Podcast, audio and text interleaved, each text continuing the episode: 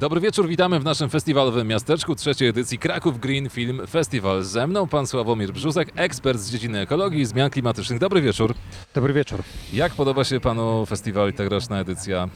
No, Tegoroczna edycja jest w ogóle inna niż te dwie poprzednie ze względu na pandemiczne warunki i te, te różne obostrzenia, które, którym musimy wszyscy sprostać. Natomiast to jest w ogóle fantastyczna impreza. To, co mi się szalenie podoba, to to, że po pierwsze udało się go zorganizować. E, Ilość filmów i tematyka ich jest e, niebywała, naprawdę, to, to, to jest poruszające E, i e, pełni to bardzo ważną rolę, dlatego że w dzisiejszych czasach postprawdy my coraz lepiej zdajemy sobie sprawę z tego, że żeby właściwe działania zostały wykonane, to my musimy opierać się o wiedzę. Ten festiwal pokazuje wielki kawał wiedzy, budzi nie tylko świadomość, ale również pokazuje w jakim kierunku i co powinniśmy robić, żeby sensowniej wywierać wpływ na środowisko, no bo człowiek będzie wywierał wpływ na środowisko, natomiast mamy wrażenie, e, poparte tutaj kilkudziesięcioma niesamowitymi obrazami filmowymi, e, w którym miejscu jako cywilizacja ludzka robimy błąd, w którą drogę nie powinniśmy brnąć dalej. Bez tego festiwalu chyba nie byłoby takiej możliwości, zwłaszcza w tym roku. Zostałem poinstruowany, że mogę pana zapytać absolutnie o wszystko, więc pozwolę sobie zapytać e, o totalnie wszystko. E, Tak szczerze, gdy mówimy o ekologii, o ekosystemie, w ogóle polskim ekosystemie, jeśli można tak, że tak powiem, ro- rozszerzyć to zagadnienie do, do, do Polski, poruszajmy się na tym gruncie. Czy mówimy o ekologii, ekosystemach teraz częściej dlatego, że te zmiany, które wywieramy, mają większy wpływ na środowisko, te zmiany są bardziej zdynamizowane, czy te 40 lat temu żyliśmy bliżej natury? I czy gdybyśmy utrzymali ten stan mniej rozwiniętej Polski, czy spotykalibyśmy się tutaj w tym miejscu i w tym problemie? No, y, po pierwsze mówimy o dwóch różnych Polskach. Ta sprzed y, ponad 30 lat i ta dzisiejsza. To są dwie zupełnie inne rzeczywistości, przede wszystkim poprzez y, inną rzeczywistość polityczną i formalną, również cywilizacyjną. 40 lat temu nie było bardzo wielu nie tylko wynalazków, ale również bardzo wielkiej porcji wiedzy na temat tego, jak funkcjonujemy. Natomiast to co, to, co mówisz, jest bardzo ciekawe, dlatego że wskazuje na takie właśnie antropocentryczne spojrzenie na naturę. Tak?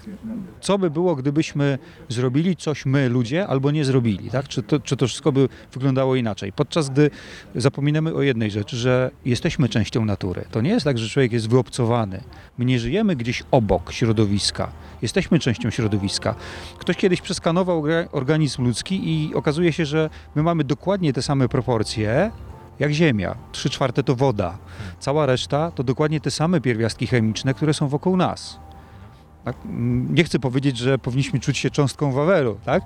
Metaforycznie pewnie tak. Natomiast yy, to jest ważne, dlatego że pokazuje, że my zupełnie inaczej musimy postrzegać swoją rolę w środowisku, swoją odpowiedzialność za środowisko, ale również yy, to powinno być wektorem do podejmowania nieraz bardzo śmiałych działań, dzięki którym bez strachu powinniśmy y, w oparciu o wiedzę powinniśmy nasze działania prowadzić.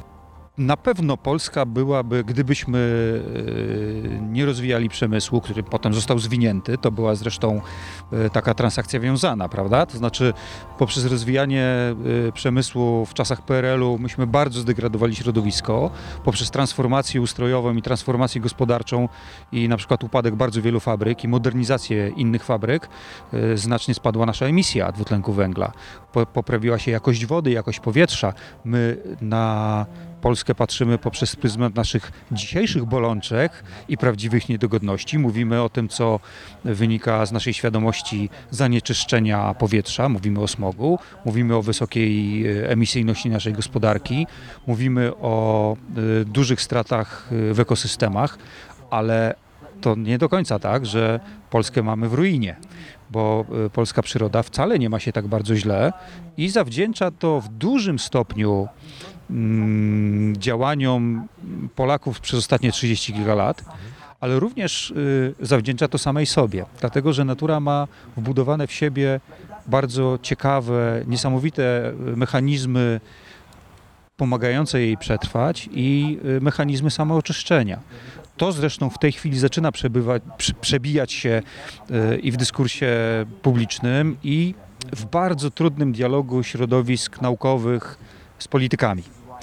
E, Na przykład taki e, bardzo nieodległy, e, tutaj widoczny przykład rzeki. Tak?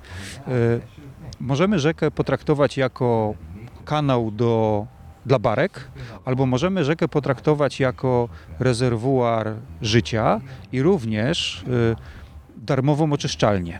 Dlatego, że y, rzeka w stanie naturalnym ma niesamowite własności oczyszczania wody, bo rzeka musi być czysta. Ona dba o to, żeby mieć warunki dla siebie jak najlepsze. No, takim świetnym sprzymierzeńcem są na przykład bobry, które tak potrafią poprzez zbudowanie systemu tam i y, zaproszenie albo rugowanie niektórych gatunków roślin tak przebudować odcinki rzeki, że ona będzie bardzo intensywną oczyszczalnią. To Taki przykład pierwszy z brzegu. Natomiast y, bardzo duże znaczenie ma działanie systemowe. I y, to jest chyba jedno z największych bolączek Polski, że my ciągle nie potrafimy zbudować strategii działania. Co i róż y, do dokumentów strategicznych wprowadzane są zmiany, albo wywracane są one w ogóle o 180 stopni. I no jedyny dokument strategiczny, który miał okazję jako tako funkcjonować, funkcjonował chyba tylko 7 lat, nieprzerwanie. A w ciągu trzech lat nie da się zrealizować y, działań, które by zbudowały i zrealizowały strategię.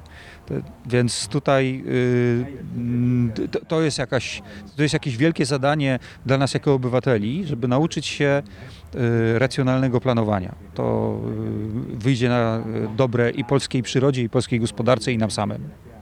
Bardzo dziękujemy za owocną rozmowę. Z nami był Sławomir Brzuzek, ekolog i znawca zmian klimatycznych. Dziękujemy. Dziękuję bardzo.